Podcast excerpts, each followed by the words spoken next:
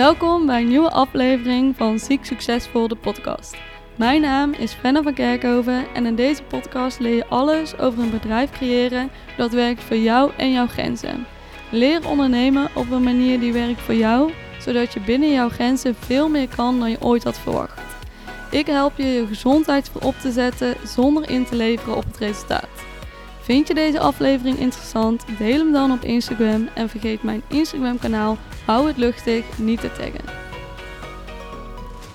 Een iets andere intro dan je van mij gewend bent. Uh, ik heb namelijk later besloten om deze podcast op te splitsen in twee delen. Deel 1 ging over een via keuring krijgen, hele proces daarvan, van zo'n via-keuring. En alles wat je moet weten wat zo intens belangrijk is. Dus heb je die nog niet geluisterd, ga dan zeker even terug om deel 1 nog te luisteren. Dit is deel 2 en is voor iedereen met een via-uitkering die wil ondernemen of al is begonnen met ondernemen. En daar ga je dus nu nog naar luisteren. Ik gaf het net ook al even aan. Je bent begonnen met uh, vroeg begonnen met werk, omdat je allemaal niet precies wist wat je, wat je wilde. Ik uh, kan me voorstellen dat je dat nu uh, wel weet. Ja, ja. Je hebt hem wel echt gevonden, jouw, uh, jouw passie en alles op en eraan. Om ja. mensen hierin te helpen, maar ook omdat je gewoon een probleem ziet waarvan jij denkt van... Dit hoeft geen probleem te zijn zolang je maar de juiste kennis hebt. Ja. Um, en nou um, had je net ook uh, aangegeven van hey, je bedrijf is nou, heet nou uh, de ontslagexpert, maar voorheen Linda Resources. Daar ja. ken ik jou ook van via Instagram. Um, via Instagram kwam ik jou uh, redelijk vroeg tegen toen ik was begonnen met bloggen voor Hou het Luchtig, kwam ik jou ook tegen. En je bent eigenlijk altijd wel een inspiratiebron geweest voor mij, omdat jij heel liet zien van hey, ik heb, ik ik heb een uitkering, ik ben chronisch ziek, maar ik ga wel ondernemen en ik doe dit wel. Ja. Uh, en dan vroeg ik me eigenlijk nog wel af van hoe heb je dat aangepakt? Want je deelt heel veel over je passie en waar je vandaan komt en hoe je, uh, waar je eigenlijk nu staat. Uh, een bedrijf met een team en heel veel mooie diensten. hoe pak jij het ondernemen aan met alles, ja, met alles wat erbij komt kijken? Ja, nou sowieso, het is echt heel heftig. En even voor iedereen, ik heb echt nog steeds, eh, echt wel maandelijks dat ik denk, oh, kan ik dit dragen? Kan ik dit? Mhm. Houdt mijn lichaam het vol? Uh, um, gaat dit goed? Dus ik voel me ook echt wel, best wel vaak onzeker. Alleen, ik voel ergens wel echt die passie dat ik gewoon weet dat ik dit wel moet doen. Maar als je kijkt naar um, even helemaal terug in de tijd, hoe ben ik echt gestart? Ik wist op een gegeven moment natuurlijk met mijn diagnose, oké, okay, um, loondienst zit er waarschijnlijk nooit meer in. Ja. Uh, misschien wel weer iets anders, of vrijwilligerswerk of ZZP'er zijn. En toen dacht ik wel altijd van, ja, één, ik wil zorgen dat de afstand tot de arbeidsmarkt niet te groot wordt. Ik wil mijn kennis up-to-date houden. Um, en ja, ik wilde eigenlijk ook eerst wel, en dat, dat raad ik eigenlijk wel heel veel mensen aan, die misschien nog in twee jaar ziekte zitten. Wacht echt even met ondernemen en zorg eerst dat je je eerlijke via-keuring binnen hebt. Dus ik heb altijd gewacht totdat mijn via-keuringsbeslissing op de mat viel, voordat ik überhaupt officieel naar een KVK ben gegaan en noem maar op. Waarom? Ik wilde een eerlijke beoordeling krijgen. En mm -hmm. bij het UWV moet je gewoon oppassen dat als je al ja, toch te snel je eigen mogelijkheden aan het creëren bent, die mm-hmm. echt niet mogelijk zijn op een andere manier, dat je dus misschien verkeerd beoordeeld en ingeschat gaat worden. Dus ja. ik ben in uh, eh, 2017 dus uh, IVA afgekeurd, maar ik ben in 2016 ben ik begonnen met mijn website. En dat was mm-hmm. eigenlijk puur ter hobby. Ik kan niet gaan sporten als hobby en ik wilde toch wat doen. En um, ik ben uh, hè, een goed opgeleide vrouw. Ik, uh, ik ben niet dom. Ik wil mijn hoofd uh, uitdaging geven. En ik wilde nog wat betekenen. Want je komt opeens thuis te zitten tussen vier muren. Wat best wel heel erg eenzaam is. Mm-hmm. Wat echt wel een struggle is. Wat, waar veel onbegrip voor is. Maar ik dacht altijd, ja, ik, ik wil niet straks ja, depressief of zo gaan worden. En, en um, dat allemaal. Dus ja. ik ben op een gegeven moment gewoon liggend op de bank. En ik was toen de tijd echt er heel, heel, heel slecht aan toe. Uh, ik kon bijna niks. Ik kon amper rechtop zitten. Ehm, en ik ben toen eigenlijk liggend op de bank allemaal YouTube-video's gaan kijken. Hoe bouw je een website? Want ik had natuurlijk geen geld. Ik had uh, toen de tijd net een huis gekocht, uh, verbouwd. Uh, dus de, de, ik, ik, had niet veel. Nee. En ik wilde eigenlijk gaan kijken van, nou ja, oké, okay, ik ga gewoon dit proberen. Ik begin met een simpel websiteje. Er was allemaal een paar tientjes. Een goedkope template op een WordPress zetten. en ik ben gewoon gaan googlen hoe ik alles mooier kon maken. En ik ben gewoon begonnen met bloggen. Dus uh, wat ik deed was ook heel vaak liggend op de bank op mijn telefoon iets uh, typen of inspreken. Ja. Want je kan op je telefoon inspreken in een Google Drive document die dan voor jou typt. Dus alles deed ik zo, zodat ik zo min mogelijk achter de computer hoefde te zitten. Dus ik deed liggend te zorgen dat er een soort van tekst kwam. Dan kort achter de computer zitten online zetten. Want ik ja. dacht, ja, stel dat ik toch ooit iets wil gaan doen voor mezelf. Hoe gaan mensen mij vinden? Tussen al die duizenden ZZP'ers. Plus ja. wat ik heel erg voelde was um, dat ik een soort van 10-0 achter stond. Kan ze wel leveren als ze met mij werken. Uh, wat ik weet natuurlijk ook, ik heb aan de werkgeverskant op HR gezeten. Zieke mm -hmm. mensen worden gezien als zwak, waar je niet op kan vertrouwen. Ja. Leveren ze wel? Uh, uh, gaat dat wel goed? Um, is iets op tijd gedaan? Ja, eh, noem maar op. Um, dus dat voelde heel onzeker. Dus ik ben eigenlijk gewoon gaan bloggen om te laten zien ik weet next level shit. Ja. Ik ben heel goed in mijn kennis. Um, en ik ben gewoon gaan bloggen om te kijken, ook zaten mensen daarop te wachten. Dus mijn hobby was eigenlijk, en dat heb ik ook eerlijk met het UWV gedeeld, want ik zat toen uh, natuurlijk in de ziektewet. En uh, ik heb het gewoon eerlijk aangegeven bij alle partijen, werkgever, uh, UWV, joh, ik ben aan het bloggen omdat ik niet kan sporten en dat is mijn hobby op dit moment. Nou, dat vonden ze prima, want dit is dus ook ja. iets waar heel veel mensen mee zitten. Uh, kan ik dit veilig doen? Het UWV ziet van alles online. Uh, wat gaan ze daarvan vinden? Maar ja, mijn ervaring is niet negatief in die zin met het UWV. Ze hebben juist dat altijd gestimuleerd. En ik heb altijd gezegd van, ik wil gewoon kijken waar dit heen gaat en we zien het wel. En dat ja. vonden ze prima. Dus weet dat dat gewoon echt wel veilig kan. Nou, en uiteindelijk ben ik dus gaan bloggen ja, uiteindelijk ben ik dus gaan bloggen. En op een gegeven moment zag ik die unieke bezoekers toenemen. Nieuwe vragen werden erin gestuurd. Vragen onder die blogs. En ik zag gewoon dat er heel veel vraag was naar kennis in Jip en Janneke taal. En ja. zo is het eigenlijk begonnen. Dus niet per se met het idee, ik ga een booming business neerzetten. Want ik was heel erg bezig met gewoon, mijn via-keuring gaat straks komen. Ik moest ja. herstellen. Ik zat in een zwaar revalidatietraject waar ik drie keer in de week heen moest naar het ziekenhuis. Um, en de kleine beetjes ruimte en energie die er overbleven, stopte ik in deze hobby. Dus dat is eigenlijk het, het, het begin geweest. Dat is wel echt gaaf. Want ik hoor, ja, ik heb nooit zo. Uh, ik ben heel mijn leven lang ziek geweest. Dus ik heb nooit per se echt die hele uh, piek gehad. Buiten het feit dat ik wel op een gegeven moment heel erg ben verslechterd door de Mexicaanse griep. En ik heb ook altijd gezegd: ik ga bloggen. Want als mijn studiegenootjes gaan sporten of op het voetbalveld staan of wat dan ook. Dan ga ik gewoon lekker bloggen en dan kan ik mijn eieren kwijt. Zo is het ja. grappig dat jij die vergelijking ook maakt. Ja, ja dat had ik echt. Ik, ik deed ja. er weer toe. En mensen gingen reageren op die blogs. Waardoor ik thuis tussen mijn vier muren uh, ook ja. weer contact had met mensen. Ja, heel herkenbaar, ja. Ja, ja, zo ervaarde ik dat ook toen ik begon uh, met bloggen. Um, even kijken, want ik had wat vragen voorbereid. Ik zal even kijken of ik nog wat vragen voor je heb. Uh, die we nog niet hebben beantwoord. Um... Misschien is het nog uh, interessant voor de luisteraars om te weten hoe ik uiteindelijk dus toch naar de KVK ben gegaan. Want ik heb dus um, eigenlijk in 2016 ben ik gaan bloggen. Eind 2017 ja. kreeg ik dus mijn IVA-beslissing uh, binnen. En mm-hmm. toen de tijd speelde het al heel erg dat steeds meer mensen mij gingen benaderen voor vragen. En dat deed ik allemaal op vrijwilligerswerkbasis, zo noem ik het maar even. Uh, maar er kwamen eigenlijk een soort van eerste klanten op mijn pad. En um, toen op een gegeven moment dacht ik, toen mijn IVA-uitkering binnen was, van ja, ik moet hier toch iets mee. En ik kreeg inmiddels natuurlijk toch wat meer kosten aan de hosting. De website groeide ook, dus ik moest weer een upgrade van mijn hosting hebben. um, ik moest op een gegeven moment volgens mij een nieuwe laptop ook gaan aanschaffen voor het bloggen en om het allemaal wat makkelijker voor mezelf te maken. En toen dacht ik, ja, misschien moet ik toch eens naar de KVK gaan. En toen ben ik dus begonnen met uitzoeken, hoe zit het als jij een via-uitkering hebt en je wil dus als ondernemer starten. Want je ja. kan natuurlijk hè, met een via-uitkering kan je twee dingen doen. Je kan terug in loondienst gaan. Um, je kan uh, ondernemer worden. Of nou, zelfs nog een derde optie, vrijwilligerswerk gaan doen. En ja. hier moeten mensen echt heel goed over nadenken. Want uh, voor jezelf gaan starten als ondernemer heeft consequenties.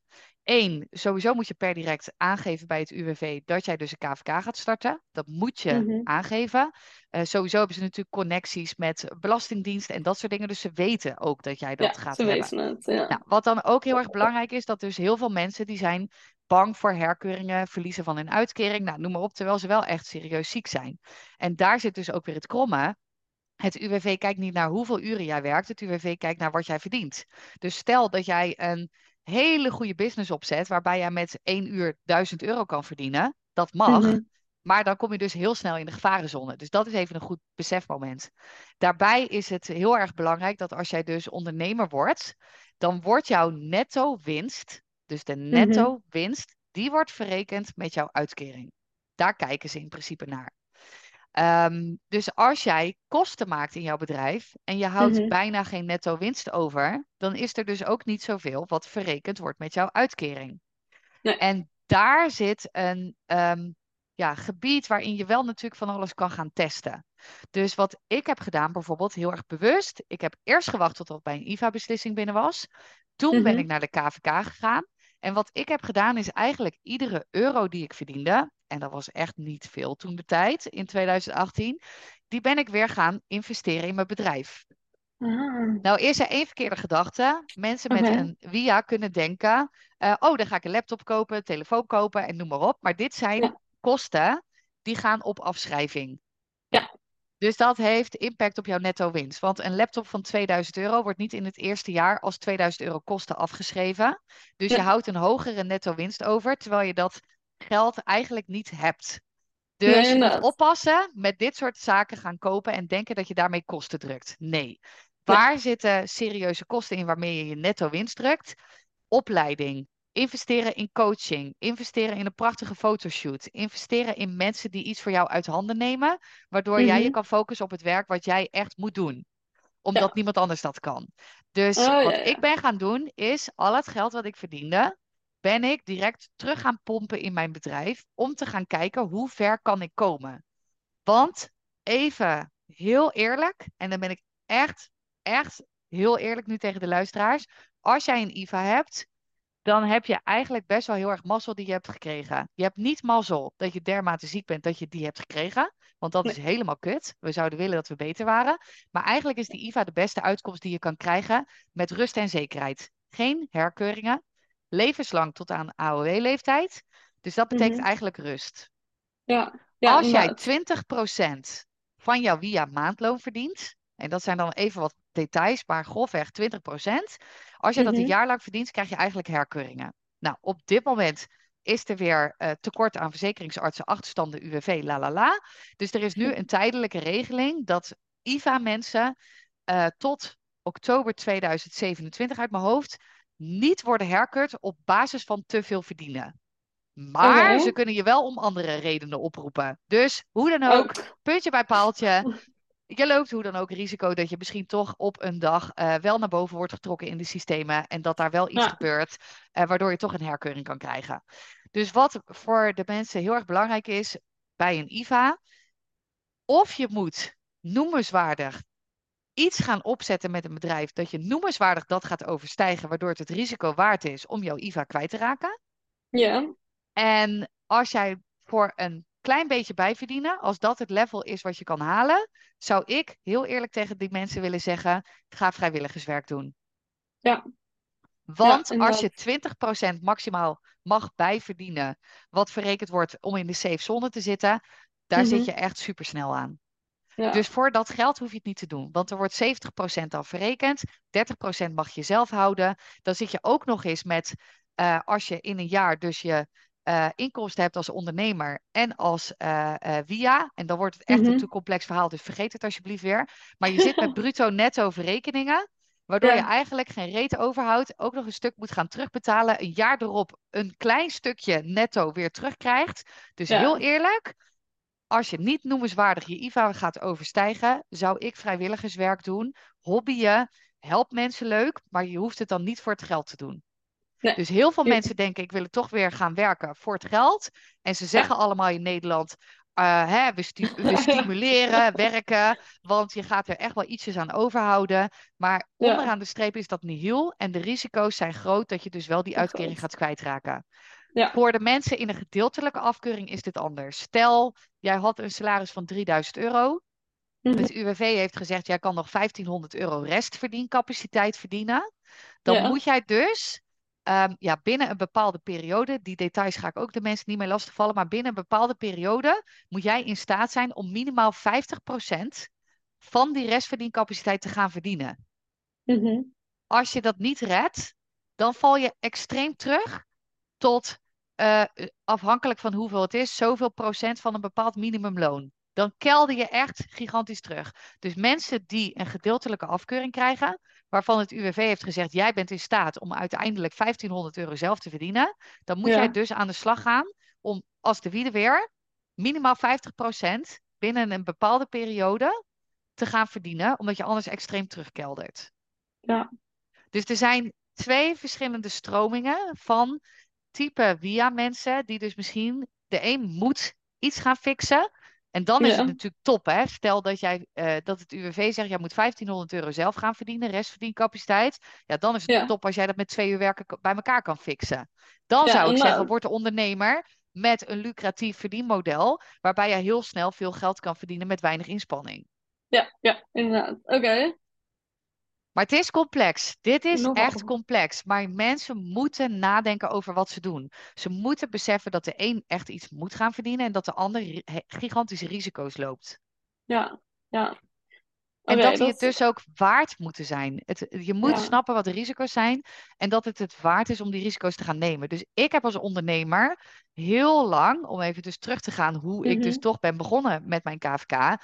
Ik heb dus eerst al dat geld wat ik verdiende teruggepompt in mijn bedrijf. En dan heb ik het echt over 2018, 19, 20, 21. Vier jaar lang heb ik Mhm. iedere euro teruggepompt in mijn bedrijf. Ja, ja.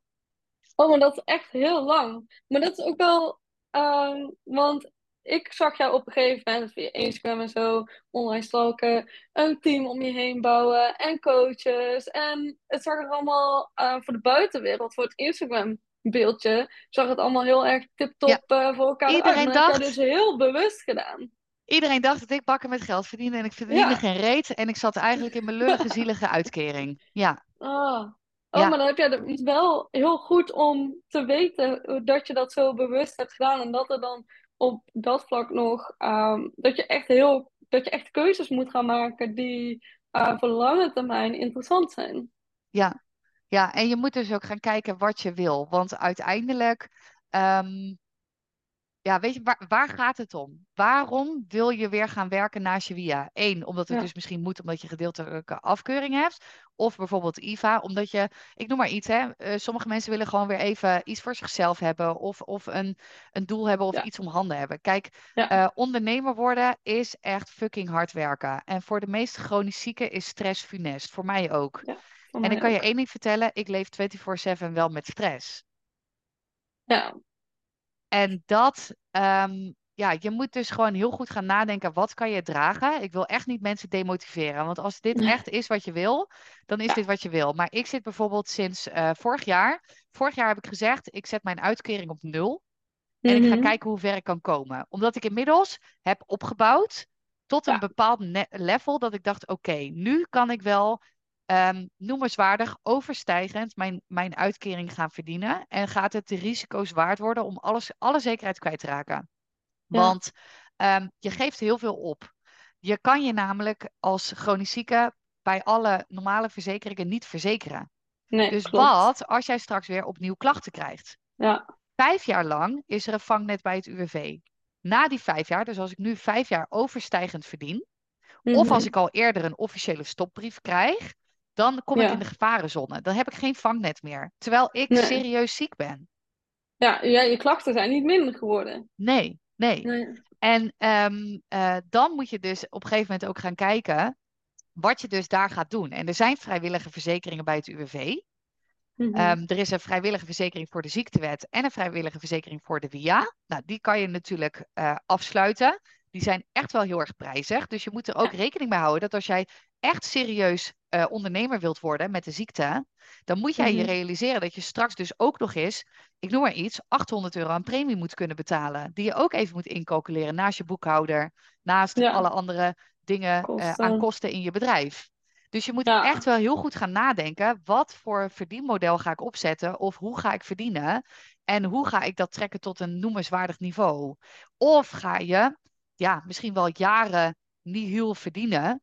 En uh, hè, met je bedrijf, dus is je netto winst gewoon nihil of blijf je die, uh, ik noem maar iets, uh, tien jaar drukken, omdat het daar Ja. eigenlijk niet per se om gaat. Dan gaat het niet om verdienen, maar gewoon dat jij leuk iets kan doen, terwijl je Ja. nog steeds in de, in de safe zone blijft zitten. Ja, oké. dus dan is het ook echt kijken bij jezelf van, hé, hey, wat, wat wil ik? Is het de moeite waard om die stappen te nemen? En als je zegt van, ik ga ondernemen, eh, hoe ver eh, wil je daarin gaan om, ehm, om die risico's dan ook te lopen en te dragen?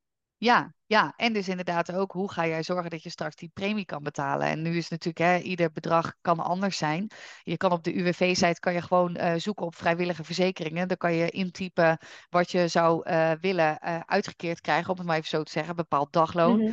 Google dan ook weer even op je, hoe je het dagloon uit moet rekenen. Um, Ja. Maar dan rolt daar gewoon een premie uit. En dan moet je gewoon gaan kijken, oké, wat, wat kan ik daarin dragen? En hoe ga ik dan hè, met bepaalde uren, hoeveel uren kan je werken?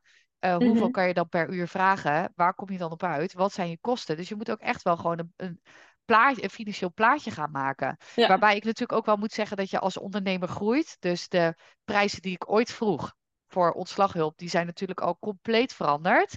Uh, Ja. Je krijgt meer expertise, je groeit, je krijgt meer naamsbekendheid, je krijgt de luxe van veel klanten.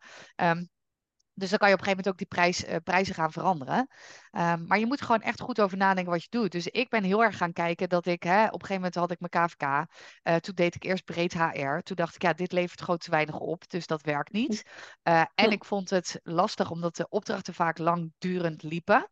Dus dat werkte dan niet voor mij. Want ik moet eigenlijk, hè, op het ene moment moet ik kunnen zeggen, nou, ik kan nu een opdracht hebben. Maar die moet eigenlijk aan het einde van het moment, eh, hè, moet ik kunnen overzien van dat red ik nu. Ik moet Ja, geen klanten zes maanden hebben lopen, want dat past niet bij mijn ziekte. Dus je moet ook gaan kijken wat past bij jouw ziekte en bij jouw klachten. Ja, wat je Ehm, aan kan Ja, dus ik ben op een gegeven Ja. moment in eh 2020 ben ik gaan shiften van breed HR naar echt alleen nog ontslag.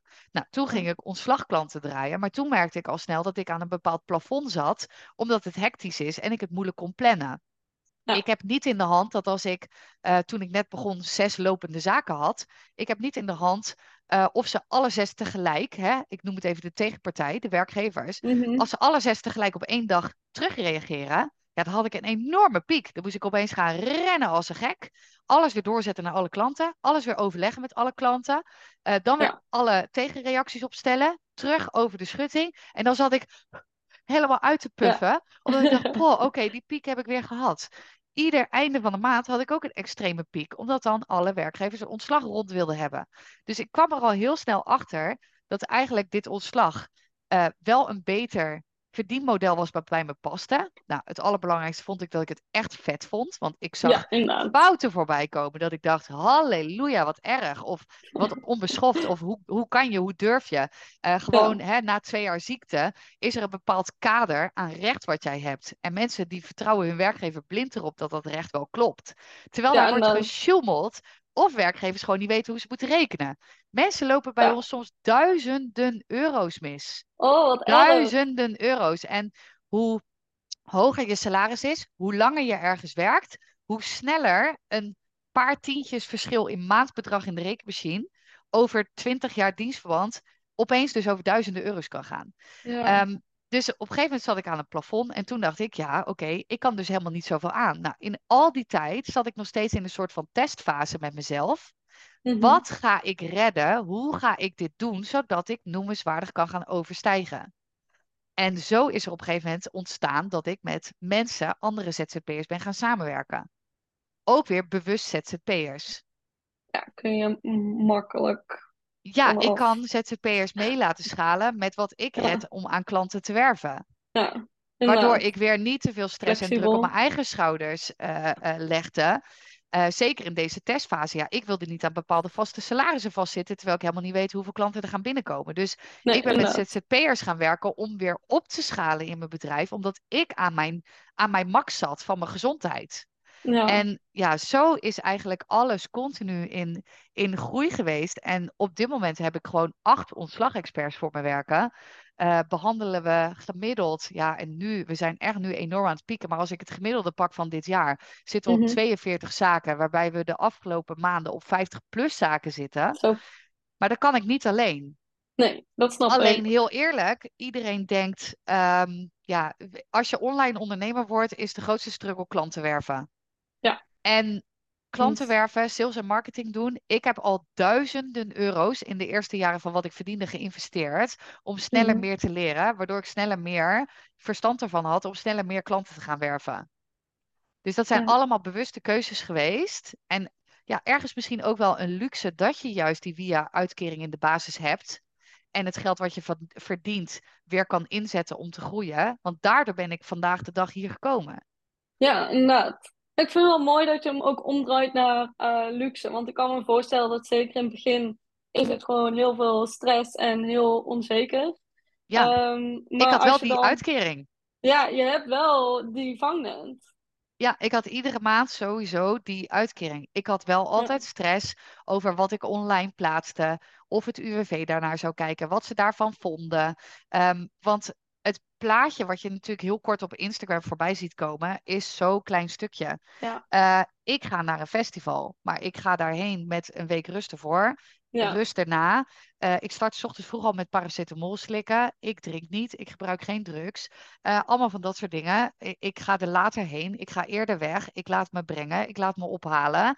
Dat ja. zien mensen allemaal niet. Nee, dat zien ze niet. Nee, nee en het UWV al helemaal niet. Die ziet alleen van eh Ja, festivalletjes. dus ik heb wel altijd continu stress gehad ook van wat vinden mensen hiervan? En ook gewoon het gevoel van, hè, oh ja, eh, eh, zij is zo'n uitkeringstrekker. Weet je wel, van toch dat gevoel van mensen om je heen. Oh, dat is een uitkeringstrekker, maar ze kan wel op een festival staan. Dit is een uitkeringstrekker, maar ze kan nu wel een eigen bedrijf runnen. Hè, hoe dan? ja, Oh, en ze, en ze rijdt wel een mooie auto. Hoe kan dat dan allemaal? Eh, terwijl mensen helemaal geen besef hebben van hoe je vroeger al carrière hebt gemaakt voordat je ziek werd. En ja, wat je daar al allemaal hebt opgebouwd. Dus het is, eh, ja, ik, ik, soms kan ik het mensen ook niet kwalijk nemen dat ze geen goed plaatje hebben. Omdat ze gewoon dingen niet weten. Het enige wat ik Nee, probeer te zeggen tegen mensen om je heen is oordeel niet. En, nee, en probeer respect te hebben voor wat mensen wel proberen.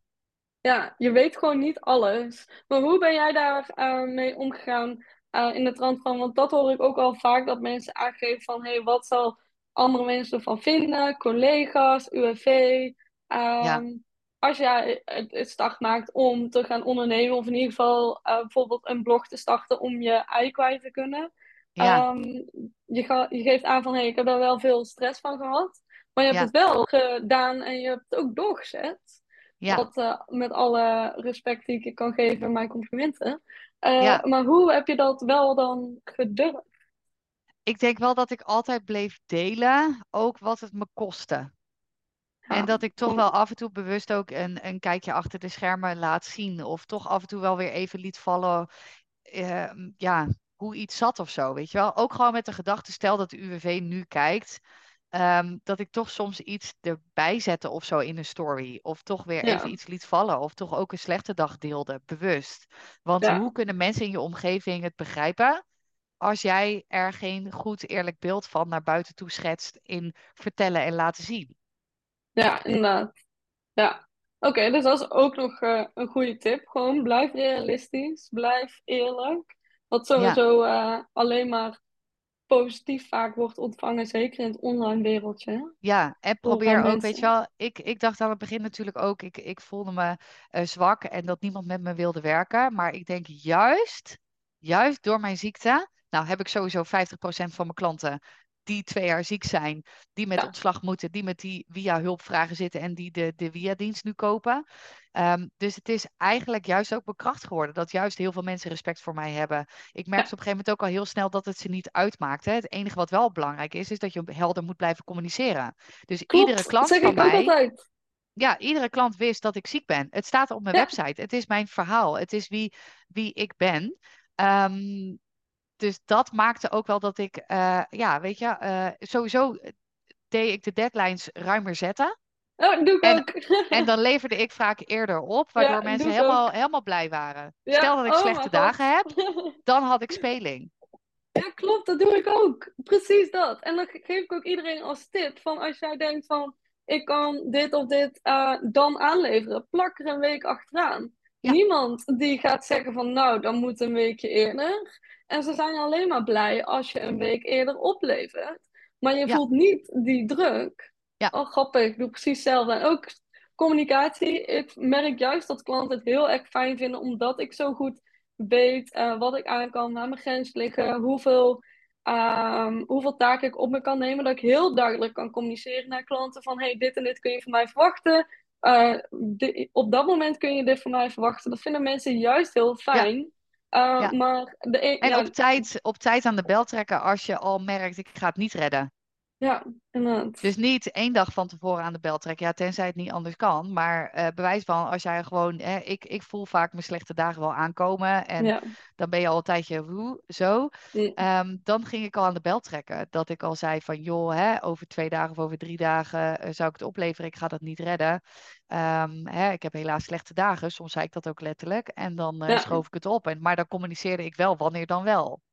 Ja, inderdaad. Gewoon altijd, ja, gewoon duidelijk eh, communiceren en altijd aangeven wat je aan kan. Ja. Eh, zo grappig. Ik doe dat ook. Ha, Ja. Goed. Goed om te weten dat, eh, dat, ehm, dat ik daarin niet de enige ben. Maar ik geef, Ja. dat, die, ik geef dat advies ook altijd. Van, je moet gewoon duidelijk zijn, communiceren. En inderdaad, als jij vanuit je ehm, vanuit iets wat je misschien niet goed kan, daaruit juist dingen beter kan. Juist dat omdenken, dat is heel erg interessant. Ja, ja, Ehm, laatste tip, want dan gaan we afsluiten, want we zijn alweer bijna een uur aan het kletsen. Oh, echt? Jeetje, wat is de tijd Ja, flies. Ja.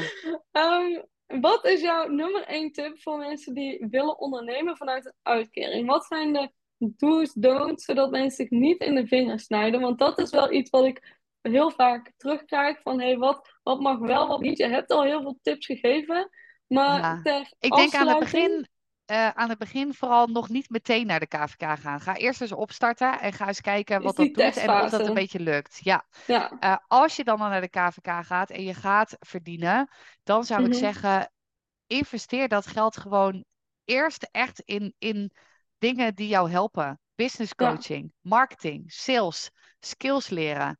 Ehm, want als je zeg maar echt ondernemer wil worden, en nou ja, ik heb het al een beetje gezegd, hè, eigenlijk moet je dat willen worden als je gewoon zegt, ik wil eigenlijk gewoon die uitkering straks de deur uit doen. Mhm. Eh, en dat je dus noemenswaardig gaat overstijgen. Dus ga investeren om te werken naar een niveau dat dat ook, ook kan. Kan. En ja. tot die tijd, ja, natuurlijk als je gedeeltelijk afgekeurd bent, dan moet je gaan bijverdienen. Dus dan, dan Mhm. moet je zorgen dat je eh, voor een stuk inkomsten hebt. Anders val je ontzettend terug na een bepaalde periode in jouw via-uitkering. Maar ehm, ja, denk er gewoon heel goed over na. En pomp het geld gewoon eerst terug in persoonlijke ontwikkeling, persoonlijke groei. Want als jij echt serieus ondernemer wil worden, heb je veel klanten nodig. Dan moet je gaan leren hoe je gaat zorgen dat je veel klanten kan gaan eh, vinden en kan aantrekken en kan gaan, gaan eh, ja, werven. Ja. Ja, goede tip, inderdaad. Ik heb er zo ook nog nooit naar gekeken dat je op die manier ehm, eh, ook die testfase in kunt gaan. Ja. Want het is En dan gewoon slim, kijken hoe ver kan je komen. Wat Ja. gaat met je gezondheid? Ja. Moet je misschien switchen naar inderdaad toch een andere niche of, of net iets anders? Ik zat eerst in breed HR en ben nu naar ontslag gegaan. En ik heb zelfs inmiddels een, een tweede bedrijf. Dus Ja. ja, je moet, je moet er gewoon alleen heel goed over nadenken wat je doet. En ik moet heel eerlijk zeggen, wel voor alle luisteraars, ik groei op dit moment extreem hard, omdat ik ook extreem veel werk. En op dit Mhm. moment al een jaar lang heel veel privé inlever. Ja. Eh, echt wel veel klachten heb omdat ik nu in een fase zit met mijn bedrijf en dat is gewoon het moeilijke. Op een gegeven moment, als je eh serieuze ondernemer wordt, dan kom je in fases dat je eigenlijk moet gaan opschalen, maar dat het geld er nog niet is. En dan ga je Ja. dus eerst zelf in een stukje overbelasting om daar Mhm. doorheen te komen. om dan dat geld weer te hebben, om weer mensen en handjes in te kunnen huren voor een stuk, zodat je weer ontlast kan gaan worden. Maar je moet dan eerst ook nog eens dat poppetje gaan inwerken, die persoon. Ja. Dus je gaat, je, je komt in overbelastingsfases heen en dan moet je dus heel goed voor jezelf gaan zorgen. Een keus maken dat dat dus mogelijk op dat moment even iets anders kost. Bij mij is dat nu mijn sociale leven, familie en vrienden. Um, en hoe kan je dan ook weer in je thuissituatie het zo inrichten dat je hulp krijgt? Dus ik uh, doe al een jaar geen boodschappen in de winkel. Ik bestel die en daar betaal ik met liefde bezorgkosten voor. Ik heb iedere week een poets in huis die mijn, poets, mijn huis poetst. Um, ik heb een partner die heel betrokken is en uh, mij helpt. Um, dus ik heb echt wel ook een netwerk om me heen van mensen die mijn situatie begrijpen. Vrienden die nu dus ook niet zeuren, omdat ze mij gunnen dat ik zonder mijn uitkering goed door kan gaan in mijn leven. Ja, ja, inderdaad. En dat is ook wel mooi om nog even te benoemen, want ondernemen, uh, mensen hebben het altijd uh, vrijheid, eigen agenda bepalen en uh, lang leven de lol heeft vaak het stukje ondernemen, maar dat is zo niet waar. Het is zo hard werken en dan vind ik het ook wel mooi dat jij aangeeft van, hé, hey, als je gaat kiezen van, hé, hey, wat wil je? Wil je dit gaan doen? Wil je iets doen voor hobby en gewoon omdat je iemand handen wil hebben? Wil je vrijwilligerswerk gaan doen of wil je gaan ondernemen? Ondernemen moet er echt een passie zijn. Ondernemen moet je echt, dan moet je echt gewoon elke dag moet je zelf zin in hebben. Je moet zelf dit gaan doen. Je moet zelf voor werken. En dat, moet je, dat moet je gewoon kunnen. En dan moet je echt willen ook. En als ik doe ook heel veel. Ja, ik doe ook heel veel inner work met een uh, nijtherapeut. Blokkades opheffen, uh, angsten overwinnen. maar ook, weet je wel, de, de continue angst. Ik zeg altijd, eerst leefde ik met de angst van het UWV die meekeek en mijn uitkering kwijtraken. Nou, daar heb ik echt wel mhm. heel lang tegenaan zitten hikken van wanneer durf ik, wanneer durf ik ervoor te gaan. Nu heb ik weer een nieuwe stress. Ik dacht dus dat ik dat stuk stress achter me zou laten, maar er komt gewoon nieuwe stress voor in de plaats. Want nu heb ik de stress uh, dat ik moet zorgen dat ik mijn eigen broek ophoud en dat ik iedere maand mijn eigen salaris nu kan uitbetalen. Uh, maar ook dat je inmiddels een dermate serieus bedrijf hebt staan, uh, dat er dus iedere maand genoeg klanten moeten binnenkomen. Uh, en hoe ga ik iedere maand? Ik heb geen verdienmodel met abonnementen waarvan ik weet, nou, ik heb zoveel leden erin zitten. Hè? Een boekhouder heeft op een gegeven moment gewoon een klantenbestand. Ik moet die ontslagklanten iedere maand opnieuw werven. Ja. En dan heb je ook nog eens mensen in je team zitten die inmiddels sommige zelfs loondienstbanen hebben opgezegd om hier echt voor te gaan. Dus je ja, er, er zit zoveel nieuwe stress en verantwoording op mijn schouders. Uh, Maar mhm. ook nog steeds heel veel angsten. Hou ik dit wel vol? Want wat ik nu dit jaar aan het doen ben, dat is niet wat ik wil en wat het me waard is. Ik lever er nu veel te veel voor in. Uh, Ik kan er ook een hekel aan hebben dat er online zoveel reclame wordt gemaakt hoe je makkelijk heel veel geld kan verdienen met oh part-time werken en weet ik veel wat. Ja, ja, Mijn, mijn rugharen gaan ervan overeind staan. want ik weet zeker dat ieder persoon die dat nu zegt, die is daar uiteindelijk gekomen.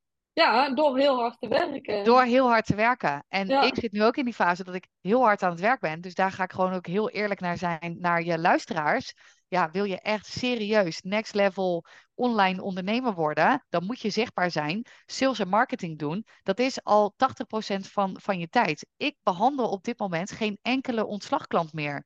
Want ik heb nieuwe ja, een, een nieuw level in mijn bedrijf met nieuwe zorgen. Nieuwe ik taken. heb sinds, ja, ik heb nu sinds een paar maanden heb ik een personeelsmanager die tussen mij en het hele team in staat. Maar voordat ik die ertussen kon schuiven en het geld had om die persoon aan te nemen, ja, dat heeft mij bloed, zweet en tranen gekost. Ik heb nu, na mijn vakantie, start er een uh, marketeer. Ja, dat is een paar duizend euro uit mijn maandelijkse uh, budget, uit mijn omzet omdat ik dus veel te veel werk, wat ik niet ga volhouden. Ik ben op dit moment eigenlijk een soort van iedere dag bang dat ik omval, het niet aan kan, overspannen raak of een burn-out krijg. Ja. En dat is niet de bedoeling. Dus nee, het is, dat is zeker niet de bedoeling. Je moet nadenken over wat je doet en je moet een plan hebben. Uh, en desnoods dus ook hulp hierbij halen. Ik heb duizenden euro's in coaching zitten. Ja. Dat is geen grap. Nee. Omdat ik dit anders niet had kunnen doen. Nee, nee, snap ik. Want het is ook van je, als je gaat ondernemen, het is ook een vak apart. En wat ik jou wil zeggen is van, ik heb het allemaal uh, moeten leren door YouTube, maar ook door coaches en door in mezelf te investeren, door die inner work uh, aan te gaan, door dat allemaal te doen, kun jij dit doen. En het is nou, ben jij volledig gefocust op uh, deze fase van je bedrijf. Maar je hebt ook heel erg goed door van, hé, hey, ik hou dit niet nog uh, drie jaar vol. De, ik, je bent nu aan het werken, zodat je zelf uh, ja. een stapje terug kan gaan doen straks. Ja, ja. Dat en dat wil ik eind dit jaar... Maakt.